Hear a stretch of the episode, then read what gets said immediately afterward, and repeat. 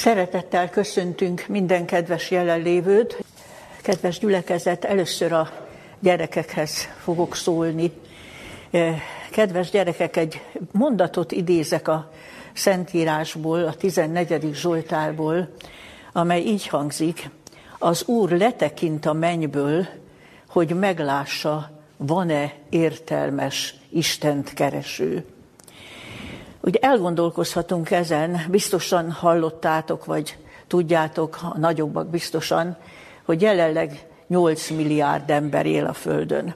Kimondjuk ezt a számot, de elképzelni már nem tudjuk. 8 milliárd. És e, akkor lehetséges, hogy a mindenható Isten mégis egyetlen kis parányi embert is észrevesz, aki valami jobbra vágyakozik, aki, aki Istent keresi, aki az igazságot keresi. Én nagyon sokszor meggyőződtem erről, hogy valóban így van, de most a sok emlék és történet közül egyet fogok nektek elmondani. Meghívtam valakit vidékről, ez évekkel ezelőtt volt, hogy jöjjön el a főiskolánk egyik ilyen nyitott konzultációs napjára. Abban az időben még a, a, a Villányi úton lévő kongresszusi központot béreltük a konzultációs napokra, és megbeszéltem vele, hogy mint juthat el, mert ő tényleg egy olyan Isten keresőnek láttam. És hát reggel én is igyekeztem oda, akkoriban egy fiatal munkatárs szokott engem autóval vinni, Karcsinak hívták, és hát mi nagyon sokszor megjártuk ezt az utat, hogy megyünk Biatorbágyról, és mikor elérjük a Villányi utat, akkor kanyarodunk balra, mert a Móri Zsigmond körtérhez közel volt ez a kongresszusi központ. És egyik ilyen vasárnapi nap, pontosan azon a napon, amikor ezt az illetőt meghívtam, hát megyünk, megyünk a szokott úton, és én csak nézem, hogy, hogy a, a karcsi nem kanyarodik el balra a Villányi úton, hanem átmegy szemközt. Rászólok, Hát miért mész át? Hát nem arra kell mennünk, de annyira csodálkoztam rajta, mert hát tudjuk általában a gépkocsi vezetőknek jó tájékozódó képességük van, és hát nem tudom hányszor megjártuk ezt az utat, hát hogy, hogy ő most szembe átmegy, átvág a Villányi úton, ahelyett, hogy balra kanyarodna.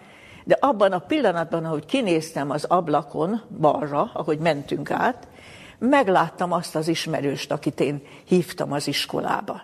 Még vagy két villamos megállónyira voltunk onnét, és láttam, hogy tanástalan ott áll az útszélen. Mondtam Karcsinak, én gyorsan kiszállok, amíg te megfordulsz.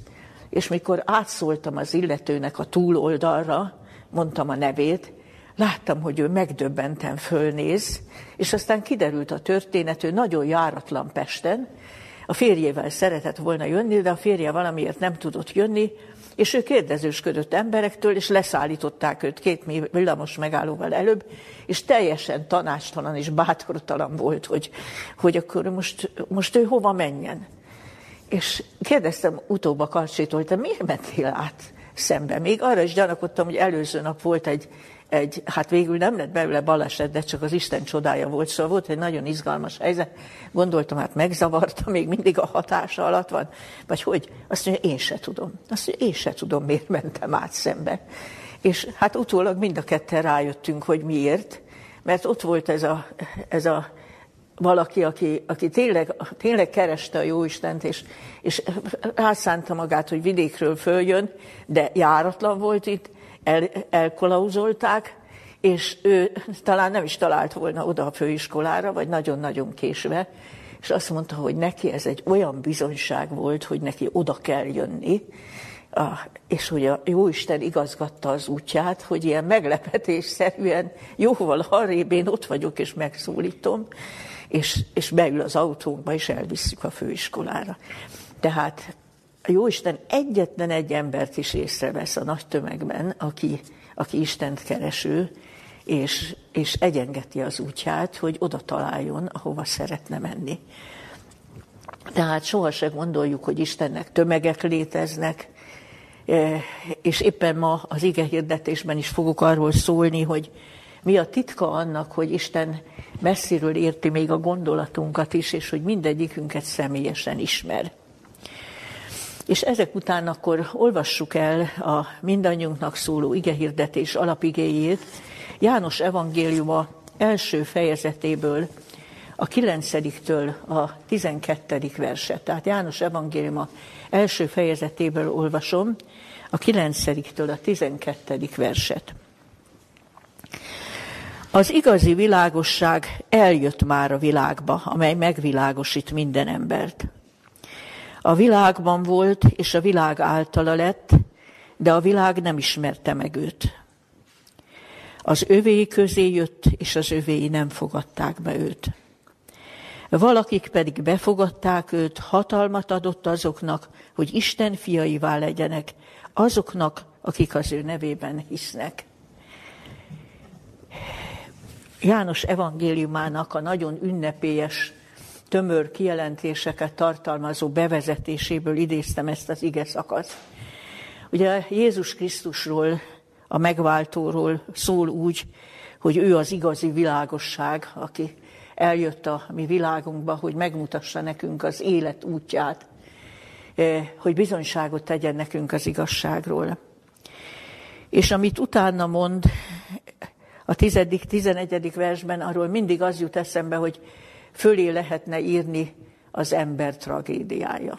Mert tömören azt mondja el, hogy eljött a világba, ami világunknak a teremtője, Isten fia maga, és a világ nem ismerte meg őt, és nem értékelte tanításait. Sokszor belegondolok, hogy milyen más útja lehetett volna az emberi civilizációnak, hogyha az ő tanításaiból az ember megérti, hogy, hogy mi az életnek az útja, mi lenne egy egészen más irány. Most láthatjuk, hogy hova torkollik az emberi civilizációnak az útja, mert elmulasztotta az ember ezt a hallatlan lehetőséget, hogy az igazi világosság eljött a világba, és bizonyságot tett az igazságról. Ő meg tudta volna mutatni, hogy hogy lehet emberi civilizációt építeni összhangban a természettel, az élet törvényével, az igazság törvényével, ha felismerték volna őt és hallgattak volna rá. És azután úgy folytatja, hogy az övéi közé jött, ugye az ószövetségi nép elhívott nép körében jelent meg, akiknek minden alapjuk megvolt ahhoz, hogy ráismerjenek, mint a világ megváltójára is, és értsék és értékeljék a tanítását, de nem fogadták be őt.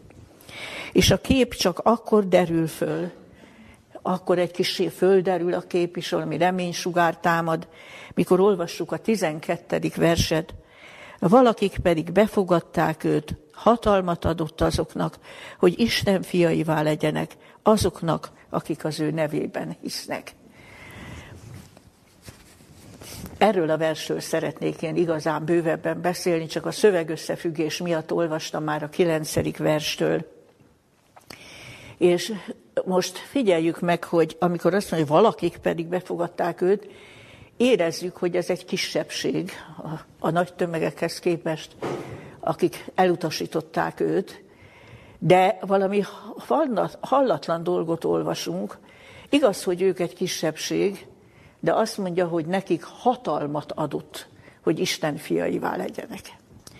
És ha megkérdezek minden kedves jelenlévőt, hogy melyik a legkiemelkedőbb szó, vagy a, a leginkább bennünk kérdéseket ébresztő szó ebben a 12. versben, akkor ez biztosan a hatalom szó. Mit kell érteni azon, hogy akik befogadták őt, azoknak hatalmat adott, hogy Isten fiaivá legyenek, azoknak, akik az ő nevében hisznek. És az is ugyancsak kérdés, hogy milyen célból adott nekik hatalmat.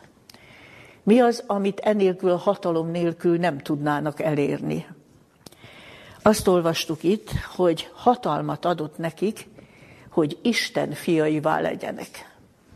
Erre egy kicsit elcsodálkozhatunk talán első pillanatban, mert hát éppen a Biblia tanítja azt, hogy a mi emberek Isten képére és hasonlatosságára teremtettünk, hát nem vagyunk-e származásunk szerint eleve a teremtés jogán Isten fiai, A 82.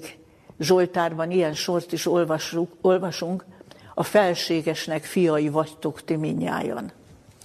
Igen, azt mondhatjuk, hogy a teremtésbeli adottságaink révén, a képességek révén, amiket Isten ajándékozott, a származásunk révén valóban Isten fiai vagyunk, de a bűneset óta elveszítettük az Istenhez való erkölcsi hasonlóságot. A lényeget veszítettük el, hogy erkölcsi jellemünkben Isten fiai legyünk. Erkölcsi jellemünkben nagyon nem vagyunk Isten fiai. És ahhoz, hogy ezt visszaszerezzük, hogy mi erkölcsi jellemünkben is valóban Isten fiaivá legyünk, eh, ahhoz ő egy hatalmat ad. És ebből az derül ki, hogy enélkül a hatalom nélkül ez nem elérhető. És amikor ezt kimondjuk, hogy önerőből ez nem elérhető, ehhez neki egy hatalmat kellene, megváltó hatalmat ehhez, akkor mindjárt azt a kérdést is tegyük fel, hogy tulajdonképpen mi az Isten erkölcsi jellemének a lényege, és milyen az az ember, aki erkölcsi jellemében is most már Istenhez hasonló, és erkölcsi jelleme alapján is Isten fiának mondható.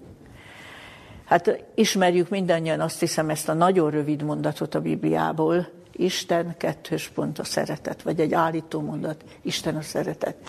Csak hogy ez nem az a fajta szeretet, azaz, azaz önérdeken alapuló, vagy legalábbis önérdekkel átszínezett, és érzelmi, főleg érzelmi alapon álló szeretet, hanem, hanem egy egészen magas rendű erkölcsi alapon álló szeretet. És hadd idézem Jézus hegyi beszédéből, hogy ő mit mondott, hogy, hogy milyen az az ember, aki erkölcsi jellemében is Isten fiának nevezhető, aki, aki újra hasonult az Istenhez.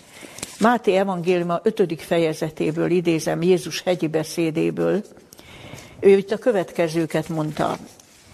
Itt láthatjuk, hogy milyen magas mérce ez, Istenhez erkölcsi jellemben is hasonlónak lenni. A 44. és 45. verset olvasom. Én pedig azt mondom néktek, szeressétek ellenségeiteket. Áldjátok azokat, akik titeket átkoznak. Jót tegyetek azokkal, akik titeket gyűlölnek.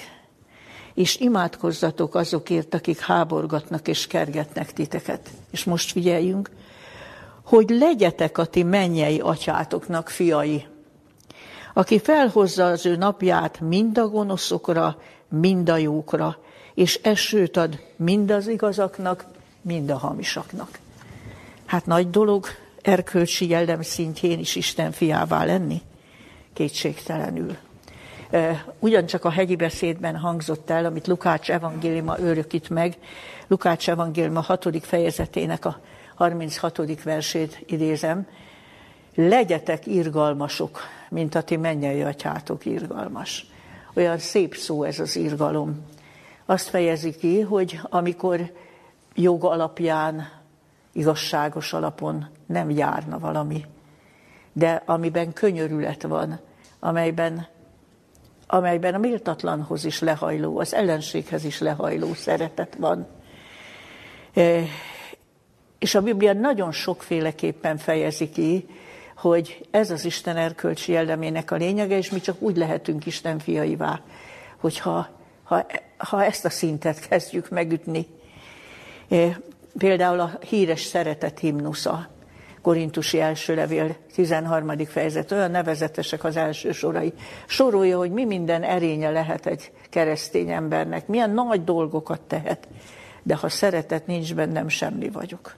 Mert egyedül ezt tesz Isten fiává, éppen ez az az erkölcsi jellem, amit vissza kell szereznünk, ahhoz, hogy ebben az életben megtaláljuk a boldogság útját, megtaláljuk az igazzá válás útját, és hogy alkalmassá váljunk az örök életre az újjáteremtett földön, és az Istennel való közvetlen közösségre.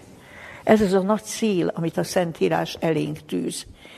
És ezen a ponton már meg tudjuk válaszolni azt a kérdést is, hogy ki vagy mi az a hatalom, amit Isten ad, amit Krisztus ad, azoknak, akik befogadják őt, akik az ő nevében hisznek, hogy tényleg Isten fiaivá legyenek.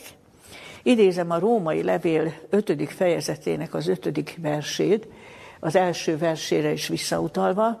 Az első versben azt olvassuk, hogy miután megugazultunk hitáltal, az ötödik vers ezt mondja, Isten szeretete kitöltetett a mi szívünkbe a Szentlélek által, aki adatot nékünk.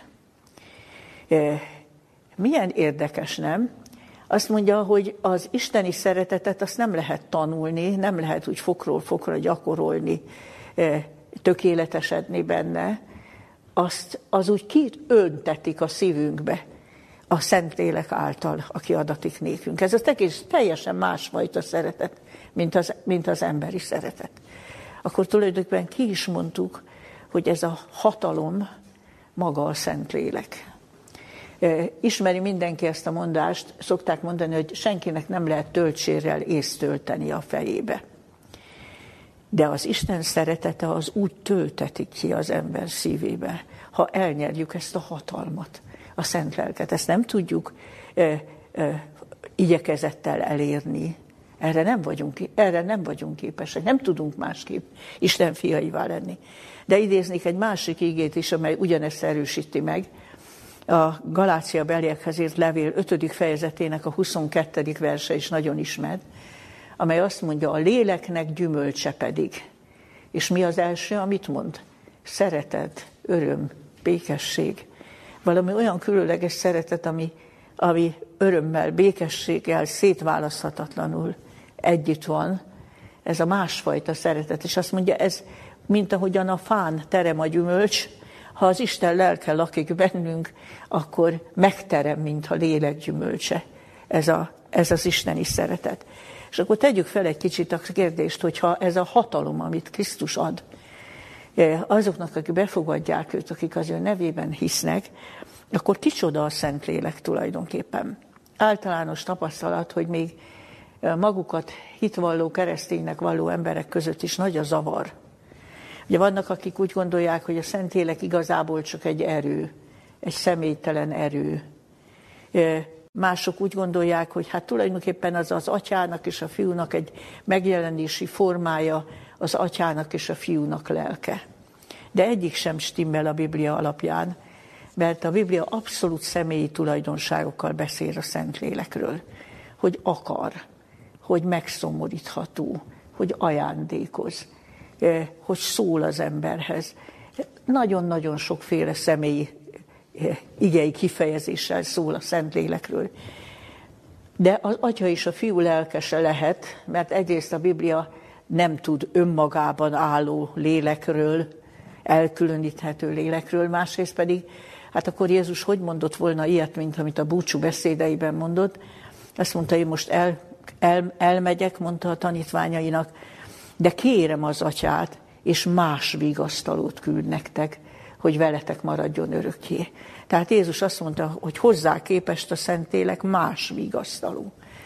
És hát megint csak nagyon ismerős, ugye benne van a keresztségi formulában, hogy Jézus így adta meg a nagy misszió parancsot, hogy akik tanítványá lesznek, kereszteljétek meg az Atya, Fiú és a Szentlélek nevében. Minden különbség mellé, nélkül egymás mellé tette, és együtt szólt a három isteni személyről. Tehát a Szentlélek egy érzékeny, szent isteni személy, hogy soha nem ábrázolja a Biblia testi alakban. Soha sem biztat, hogy őt közvetlenül keressük meg, hogy nem lehet úgy, hogy így mondjam, kikövetelni, vagy lehívni a szent lelket csak úgy közvetlenül.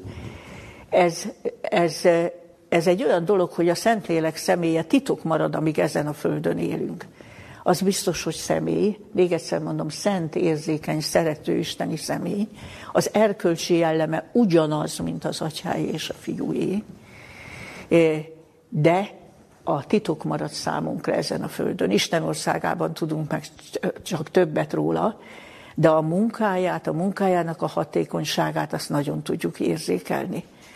Mert a Szentlélek az, aki az életadó fizikai és lelki életadó munkát végzi, aki tud hogy így mert nem csak kívülről beszélni velünk, hogy kívülről szól hozzánk, mint hogy Isten igény szól hozzánk, hanem valahol belül tud bekapcsolódni a gondolatvilágunkban, az érzéseinkben, és, és ott tud halk és szelít hangon szólni, nevelni, formálni minket. Ez egy, ez egy mélységes titok, hogy hogyan teszi.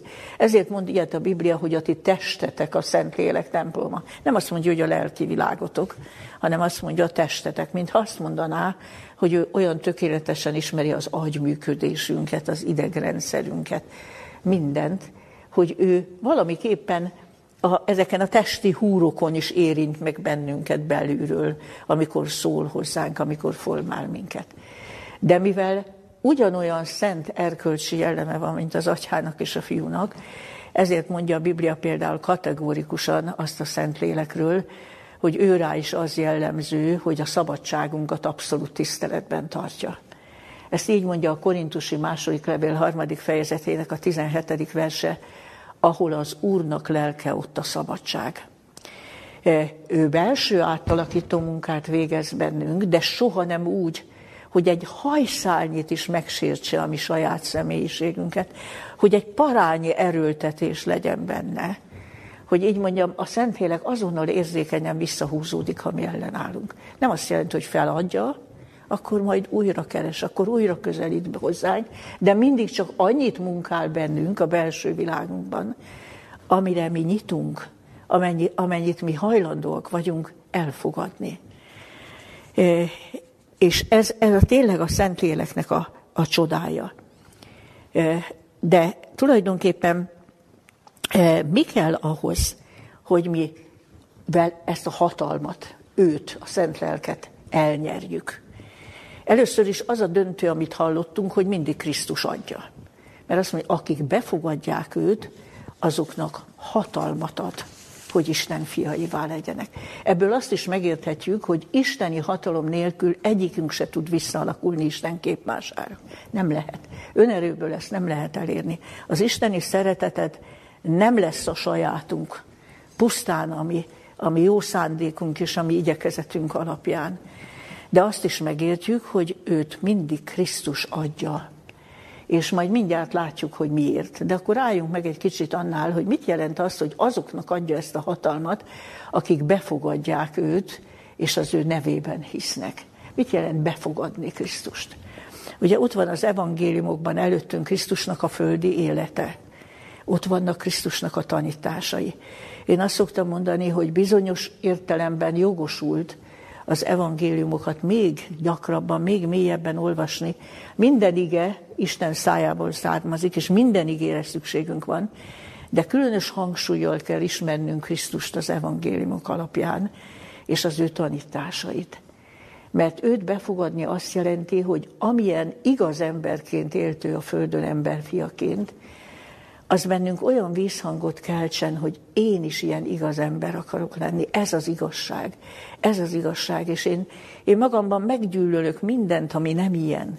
És én nem akarok belenyugodni, hogy én nem vagyok ilyen, mert tényleg ilyen az igaz ember. Ez, és, és, és befogadni őt az azt jelenti, hogy, hogy megértjük, hogy a teremtő az, aki, hogy így mondjam, utánunk jár, és aki azt mondja, hogy veletek akarok lenni az én atyámnak országában. Megértjük, hogy ő az ő országába és az ő dicsőségébe hív bennünket. És nekünk ez egy lelkesítő életszélá válik. Belátjuk azt, hogy ez az élet úgy, ahogy van önmagában, tényleg hiába való. Nagyobb része nyomorúság, fáradtság és a sírral végződik. És, és amikor, amikor az ember azt mondja, ilyen az igaz ember, és ha ő az ő országába és dicsőségébe hív, az újjáteremtett föld örökösségnek hív, ahol igazság lakozik, ezt, az, ezt meg kell ragadni, ezt én nem engedhetem el. Én, nekem, én, én ezt befogadom, én ezt magamévá teszem. Tehát ez nagyon nagy dolog.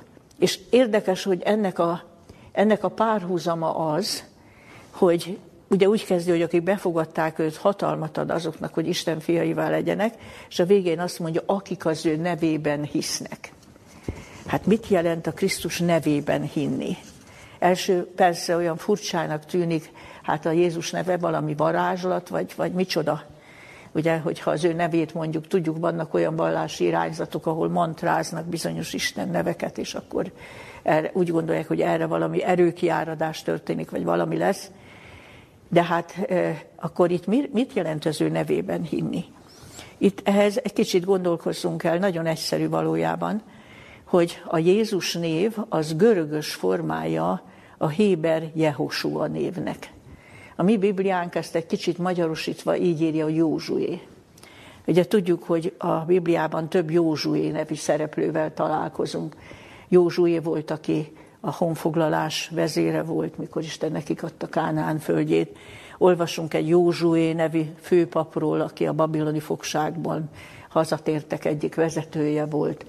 E, és a, az eredeti Héber formája, a Jehosua, az betű szerint azt jelenti, hogy Isten megszabadít.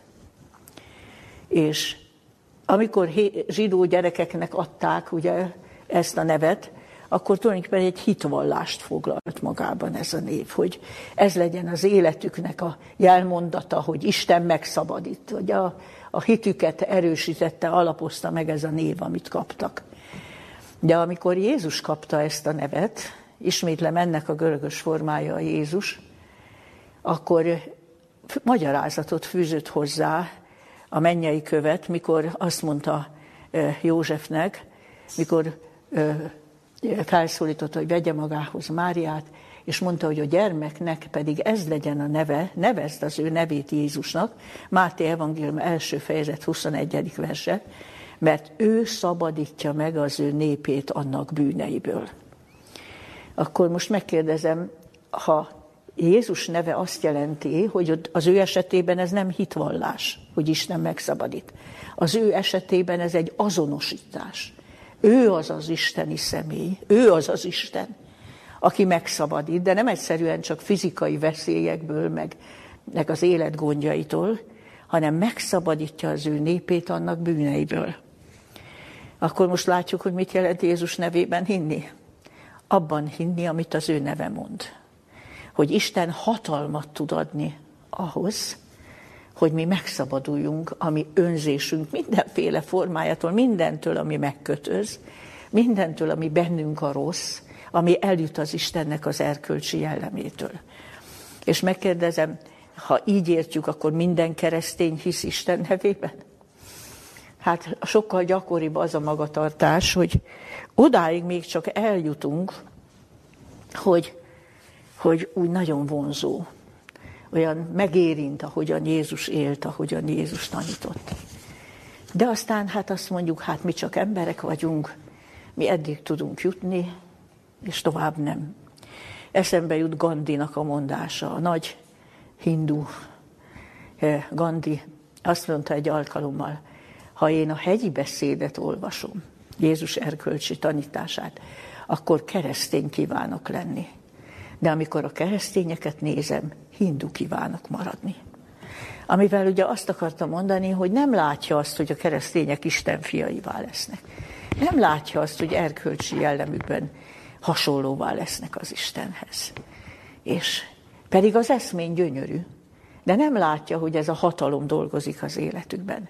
Más szavakkal úgy mondhatjuk, úgy tűnik, hogy keresztények többsége Jézus követőjének vallja magát, de nem hisz Jézus nevében. Abban, hogy ő megszabadítja az ő népét annak bűneiből. Hogy ő hatalmat tud adni, hogy Isten fiaivá legyünk a Szentlélek által. És akkor saját magunkat is kérdezzük meg, hogy, hogy mi hogy viszonyulunk a bennünk lévő rosszhoz, a mi fogyatékosságainkhoz, és egyrészt egyáltalán befogadjuk Jézust, hogy ez azt jelenti, hogy mi le nem mondunk arról, hogy olyanok legyünk, mint ő, le nem mondunk arról az ígéretről, arról az örökségről, amit a hiába való életünk helyett ígér. És akkor megértettük-e az ő tanításából, hogy a Szentlélek által nekünk hatalmat kell kapni ahhoz, hogy Isten fiaivá legyünk.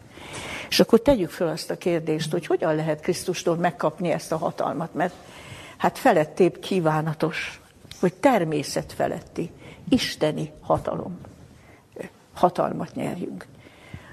Ugye ez, ez e, tulajdonképpen az isteni és az emberi természet egyesülésének kellene bennünk is megvalósulni, úgy, mint ahogyan Jézus a földön emberfiává lett, de egyben Isten maradt. Azért tudott győzni minden bűn felett, mert az isteni és az emberi egyesült. Hiába volt ugyanaz az örökség az ő emberi természetében, a miénkben, mivel isteni természetet is hozott magával, azért, azért képes volt győzni. Még így is küzdelem volt, de képes volt győzni. Mert mindig a személyes döntés kellett az ő esetében is. És akkor az ő nevében hinni azt jelenti, hogy mi is hisszük, hogyha ha az isteni és az emberi egyesül bennünk is, ha a Szentlélek által bennünk is van ez az isteni munkálkodás, akkor mi is legyőzhetünk minden bűnt, minden fogyatékosságot, minden megkötözöttséget, és Isten fiaivá le- lehetünk, ami, ami, a, ami a cél, ami a, ami a célkitűzés. És akkor még egyszer felteszem a kérdést, hogy milyen módon kaphatunk, mi kaphatjuk meg Krisztustól ezt a hatalmat. A szent lelket mikor adja, vagy milyen feltétel mellett adja a mi szívünkbe. Első persze borzasztó könnyűnek tűnik, mert például Jézus azt mondta, hogy a ti földi szülők is adnak jó ajándékokat gyermekeiknek, és hát a ti mennyei atyátok pedig mennyivel szívesebben ad nektek jókat, és adja nektek a szent lelket. Akik kérik tőle. És azt mondta Jézus, akik kérik tőle. De megkérdezem, mi kell ahhoz, hogy mi kérjük a szent lelket? Az először is azt is tudnunk kell, hogy a Szentlélek szent érzékeny isteni személy, érvényes rá az, amit általában is erről mond a Biblia, az 5. Zsoltár 5. versét idézem, hogy Isten bűnnel együtt nem lakik. Ezért olvasunk a Bibliában olyat, hogy minden mérgesség, harag, lárma, kivettessék közületek minden gonoszsággal együtt, és meg ne szomorítsátok az Istennek szent lelkét. Milyen kis dolog az egy felgerjedés, egy harag, egy lárma, de azt mondja a Szentélek, szent érzékeny isteni személy, ezzel már eltávolíthatjuk magunktól. Nem végleg, mert nem mond le rólunk, de akkor nem fog bennünk lakni, akkor nem fog bennünk munkálkodni, hogyha mi ilyet produkálunk, mérgesség, harag, felkerjedés, és aztán vég lehetne folytatni a sort. Tehát bűnnel együtt nem lakik. Tehát egyrészt tudnunk kell azt, hogy Isten szívesebben adja a szent lelket, és akarja, hogy kérjük tőle, és adja készséggel, szívesebben, mint a földi szülők adnak jó ajándékot gyermekeiknek. De ahhoz, hogy elnyerjük, ahhoz bennünk tudatosulni kell, hogy ahhoz tiszta szívre van szükség. E, és tiszta szívet meg hogy nyerhetünk? Csak is Krisztus által, úgy, ha megvalljuk bűneinket, ha bűnbocsánatért folyamodunk, ha, ha a szánkra veszük azt az imádságot, amit én nagyon sokszor szoktam emlegetni az 51. Zsoltárból, hogy legfontosabb ima, tiszta szívet teremts bennem, ó Isten. Mert amikor megvalljuk bűneinket, és, és bocsánatot nyerünk a Krisztus helyettes áldozata alapján, az ő közben járása által, akkor a bűnbocsánatnak ez a túláradó szeretete megtisztítja a szívünket. Még a cselekedeteinkben sok fals dolog van, még sok minden nem úgy van, de abban a pillanatban a szívünk tiszta, amikor a bűnbocsánatot elnyerjük, és azért hálásak vagyunk. És mindig ez a kiinduló pont, olyankor tudjuk elnyerni a szentelkedést, addig marad bennünk, amíg meg nem szomorítjuk. Aztán újra meg kell járni ezt az utat. Ki tudja hányszor az életben, mert így, mindig így próbálok fogalmazni, hogy a Szentlélek csak kisöpört, kitakarított házba költözik. Bűnnel együtt nem lakik. És aztán még van valami nagyon fontos dolog ahhoz, hogy kérjük. Ahhoz, hogy kérjük, ahhoz tisztába kell lennünk azzal, hogy mennyire szükségünk van rá. Le kell tennünk minden magabiztosságot. Be kell látnunk azt, hogy tehetetlenek vagyunk abban a tekintetben, hogy Isten fiaivá legyünk a szó igaz értelmében. Hogy az Isten erkölcsi jelleméhez hasonlóvá legyünk, hogy az isteni szeretet lakozzék bennünk. Ebben tehetetlenek vagyunk, ezt magunktól nem tudjuk elérni. Akkor tudjuk teljes szívből kérni, mikor nagyon akarunk igaz emberekké lenni, nagyon szeretnénk Isten országa örökösei lenni, és, és nagyon látjuk a tehetetlenségünket és a fogyatkozásainkat, akkor tudjuk teljes szívből kérni. És talán még valamit kell mindezeken kívül említenem, ahhoz, hogy az ember ilyen mélyen elgondolkozzék, hogy hát kicsoda is Krisztus, milyen is az Isten erkölcsi jellem, hogy én, föl, fölbuzduljon bennünk a vágy, hogy én is olyan szeretnék lenni. És hogy felfogjuk, hogy magamtól nem tudok, és hogy, hogy én nekem előjogom, mert Jézus azt mondta, készségesen ad azoknak, akik kérnek tőle. Hogy nekem ez a legnagyobb szükségletem, hogy kérjem a Szentlélek bennünk lakozását, velünk együtt munkálkodását ehhez nyugalomra és csendre van szükség, hogy, hogy ezeket olyan mélyen átgondoljuk, ezek áthassanak bennünket, és tudjuk teljes szívből kérni a szent lelket. És azt hiszem, itt van az életünknek egy másik nagy harca. Én is küzdök vele. Hiába hivatásom, hogy az Isten munkájában vagyok, de és hálás is vagyok nagyon azért, hogy ezt a munkát végeztetni. Nem is tudok elég hálás lenni és, és szeretem is ezt a munkát, de higgyétek el, hogy így is ott van az a kísértés, hogy az ember nyüzsög, igyekszik, mindent elkövet, és akkor egyszer csak rájön, hogy csak éppen arra nem volt idő, hogy elcsendesedni Isten előtt, és kérni ezt a hatalmat. Mert hát mit tudunk mi tenni enélkül? Tudunk emberek, embereket megmenteni, megtéríteni? Tudunk embereknek a lelki-testi nyomorúságán segíteni? Nem tudunk. Tehát ha egyszer van egy ilyen kiváltságunk, hogy akik befogadják őt, hatalmat ad, hogy Isten fiaivá legyenek, és hatalmat ad arra is, hogy elveszett embereknek segítsenek, akkor, akkor erre van a legnagyobb szükségünk. Csak nem úgy, ahogy sajnos a karizmatikus mozgalmakban sikerült sátánnak egy ilyen téves felfogást kialakítani erről, hogy hát csak tusakodni kell, küzdeni kell, majdnem kikövetelni Istentől a szentelket, és hogy az valamilyen ilyen látványos, harsány dolgokban nyilatkozik meg. Nem. A Szentlélek halk és szelít hangként folyamatosan dolgozik a lelkünk mélyén, és ha kell, testi erőt ad, ha kell, fizikai erőt ad, ha kell, ha kell, akkor lelki erőt ad, meglátásokat ad, világosságot ad. Én egy pillanatra szeretném felütni a, egy, a Izsaiás könyvéből egy biblia verset szeretnék idézni, Ézsaiás proféta könyve 11. fejezetének a második versében olvassuk, hogy Krisztuson megnyugodott a Szentlélek, és sorolja, hogy, hogy mit jelent az, mikor valaki megnyugszik a Szentlélek, milyen áldásokat, milyen ajándékokat közvetít neki. Így olvasom Ézsaiás könyve 11. fejezetében a második verset. Ezt mondja az eljövendő messiásról akin az Úr lelke megnyugszik, bölcsességnek és értelemnek lelke, tanácsnak és hatalomnak lelke, az Úr ismeretének is félelmének lelke. Milyen érdekes ez a felsorolás. Azt mondja, bölcsességet és értelmet ad. Szeretnénk okosabbak, értelmesebbek, bölcsebbek lenni. Ugye, amiben minden benne van, nem csak az, hogy éles esze van, eh, soha ne higgyük azt, hogy van egy születésbeli adottságunk, hogy az én agykapacitásom ennyi, én, én nekem a tanulékonyságom ennyi, én nekem a felfogó képességem ennyi. Az Isten ezt is határtalanul tágíthatja. Nem olvassuk a Bibliában például Dánielről meg a társairól, hogy adott az Isten nekik értelmet és bölcsességet, és, és minden tudományban jártasabbak lettek a tanítóiknál. Isten ezt is meg tudja tenni.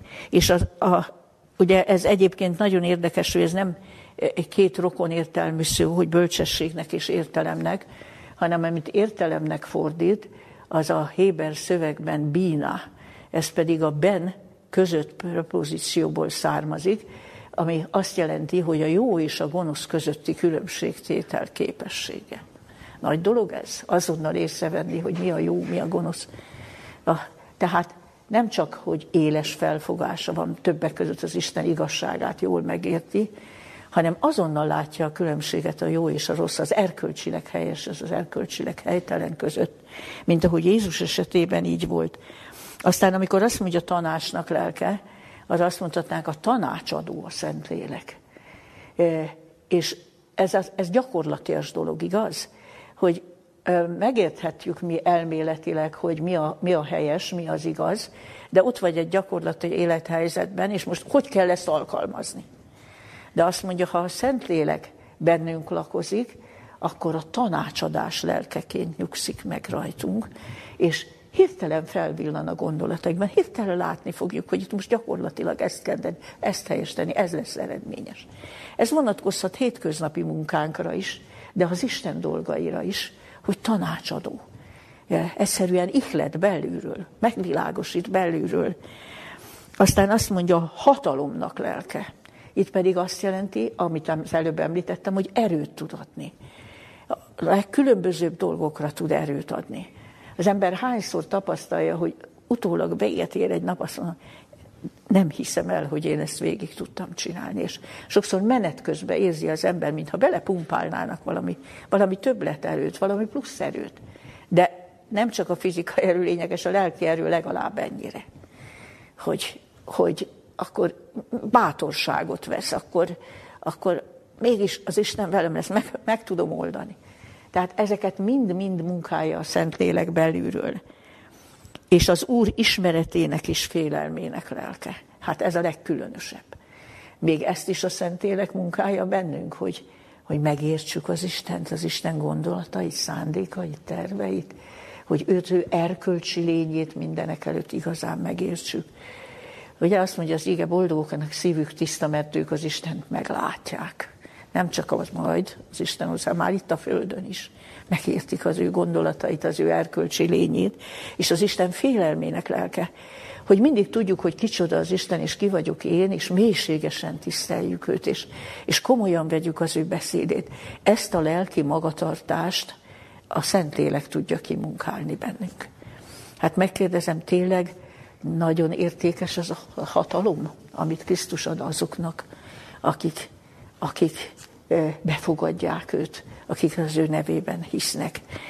És ez a, ez a Biblia vers arra akar minket rádöbbenteni, hogy hiába nekünk korán felkelni, későn feküdni, minden emberi igyekezetünket bevetni, a legnagyobb dolgot, hogy ami, ami belső lényünk az Isten erkölcsi lényéhez hasonló legyen, és alkalmassá legyünk az örök életre, és hogy segíteni tudjunk más embereknek, és tevékeny eszközök lehessünk más emberek megmentésére, ez csak a Szentlélek által lehetséges. És eh, adhatott volna Isten többet, nagyobbat. Azt mondja, hatalmat, isteni hatalmat ad a Szentlélek által. Egy helyen azt írja a János első levelében, hogy abból tudjuk meg, hogy ő benne vagyunk, hogy a maga lelkéből adott nekünk. Csodálatos megfogalmazás ez. Azt mondja, maga lelkéből adott nekünk. Hát ennél nagyobb ajándékot kapni már tényleg nem lehet. Csak nekünk kérni kell. De ahhoz, hogy kérjük, ahhoz látni kell a szükségletünket, látni kell a fogyatékosságainkat, és tudnunk kell, hogy ez mindig tiszta szívre van szükség.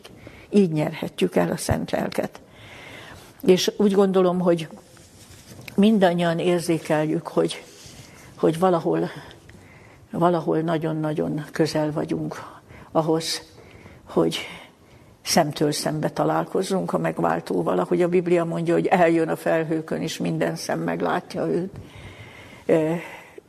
Tegnap voltam egy osztálytalálkozón, gimnáziumi osztály, 60 éves érettségi találkozó, és olyan érdekes volt, hogy az egyik osztálytársam azt mondja, hogy hát ennek a világnak biztos, hogy vége lesz. Hozzáteszem, hogy olyan valaki, aki úgy gondolom, hogy mindig a, a, az élet napfényes oldalát élvezte, és ilyen nagyvilági valaki volt, és a mély meggyőződéssel azt mondja, ennek a világnak mindenképpen vége lesz. Azt mondja, akár erkölcsinek nézem, akár inni, ez bizonyos. Még, még valaki távolról is egyszerűen józan észre ez a következtetéshez jut. És akkor, akkor nekünk még sok időnk van arra, hogy nem tudjuk először is, hogy a saját életünk meddig tart, azt egyikünk se tudja. De azt sem tudjuk, hogy a világ meddig áll. És ahhoz, hogy mi, mi örömmel találkozhassunk vele, ahhoz, ahhoz szükséges, hogy Isten fiaivá legyünk, erkölcsi ellenben is Isten fiaivá legyünk ahogyan ezt a János első levele harmadik fejezetében, az első verseiben írja az apostol, hogy most Isten gyermekei vagyunk, annak valljuk magunkat, és tényleg ragaszkodunk is a, a, az Isten evangéliumához, amennyire ismerjük, amennyire értjük. Aztán de még nem lett nyilvánvalóvá, hogy mivé leszünk. És bizakodva mondja, de ha nyilvánvaló lesz, hisszük, hogy hasonlóká leszünk ő hozzá, és meglátjuk őt, amint van. De ez magától automatikusan nem történik. Csak akkor jön ez a, ez a pozitív és csodálatos végeredmény, ha mi igényt tartunk erre a hatalomra, amit ő ad, hogy a, a lelki világunkba befogadjuk a Szentélek szent isteni személyét, és engedünk az ő szavának, és hallgatunk az ő belső késztetéseire, akkor ő meg tudja tenni ezzel a szelíd szabadságunkat tiszteletben tartó, türelmes, kitartó munkával, hogy minket erkölcsi jellemünkben is hasonlóvá tegyen Istenhez. És erre van az embereknek is szükségük, hogy ilyen keresztényeket lássanak, akik tényleg Isten fiai, tényleg mások. Nem tudom, észrevettük el, hogy a, a bibliai őstörténetben azt olvassuk, hogy mikor már kainiták is nagyon elszaporodtak és más úton jártak, akkor úgy hívták az, az egyetlen Istenhez ragaszkodókat, az ő útján járókat, hogy Isten fiai. Ember fiainak, a többiek azok meg Isten fiainak. Hát most is óriási szükség lenne, hogy ilyen Isten fiait lásson a, a világ, és ne legyen ok arra azt mondani, hogy az eszme gyönyörű, az vonz, de ha keresztényekre nézek, akkor, akkor, akkor nem kívánok keresztény lenni, hanem hogy sok-sok olyan, olyan Krisztus követő legyen, akik erkölcsi jellemükben is Isten fiai, akkor, akkor vonzóvá válik a Krisztus evangéliuma.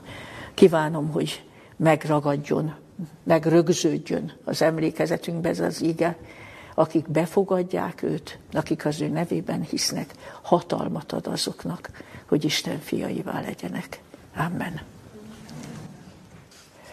Imádkozzunk. Szerető mennyei atyánk, hozzád jövünk Jézus Krisztus nevében. És nagyon megköszönjük néked ezt a, az egyetlen igét, amely szeretnénk, ha nagyon mélyen bevésődnék, megértve bevésődnék a tudatunkba, hogy mi ekkora kiváltság részesei lehetünk, de csak ha kérjük, ha befogadjuk Krisztust, ha az ő nevében hiszünk, akkor nyerhetjük el. Urunk, Te vonzol bennünket magadhoz, és kérünk Tedd ezt.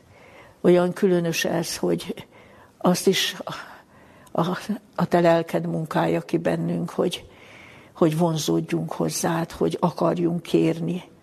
De ha aztán tudatos személyes döntéssel kérünk, akkor megadod nekünk ezt a mindent felülmúló ajándékot. Urunk, kérünk, adj bölcsességet nekünk ahhoz is, hogy hogy hogyan gondolkozzunk a, a, az időnk, az életmódunk felől. Taníts meg arra, hogy hogyan gazdálkodjunk az erőnkkel, az időnkkel, hogy valahol a legfontosabb el nem maradjon, hogy elcsendesedjünk a te színed előtt, tisztán gondolkozzunk a te jelenlétedben, és eljussunk oda, hogy teljes szívből kérjük tőled a te lelkedet újra és újra, és megtelítődjünk ezzel a mennyei hatalommal. Hallgassd meg, kérünk, Urunk, imádságunkat, és mindannyiunkat a Te áldásoddal bocsáss el. Amen. Amen.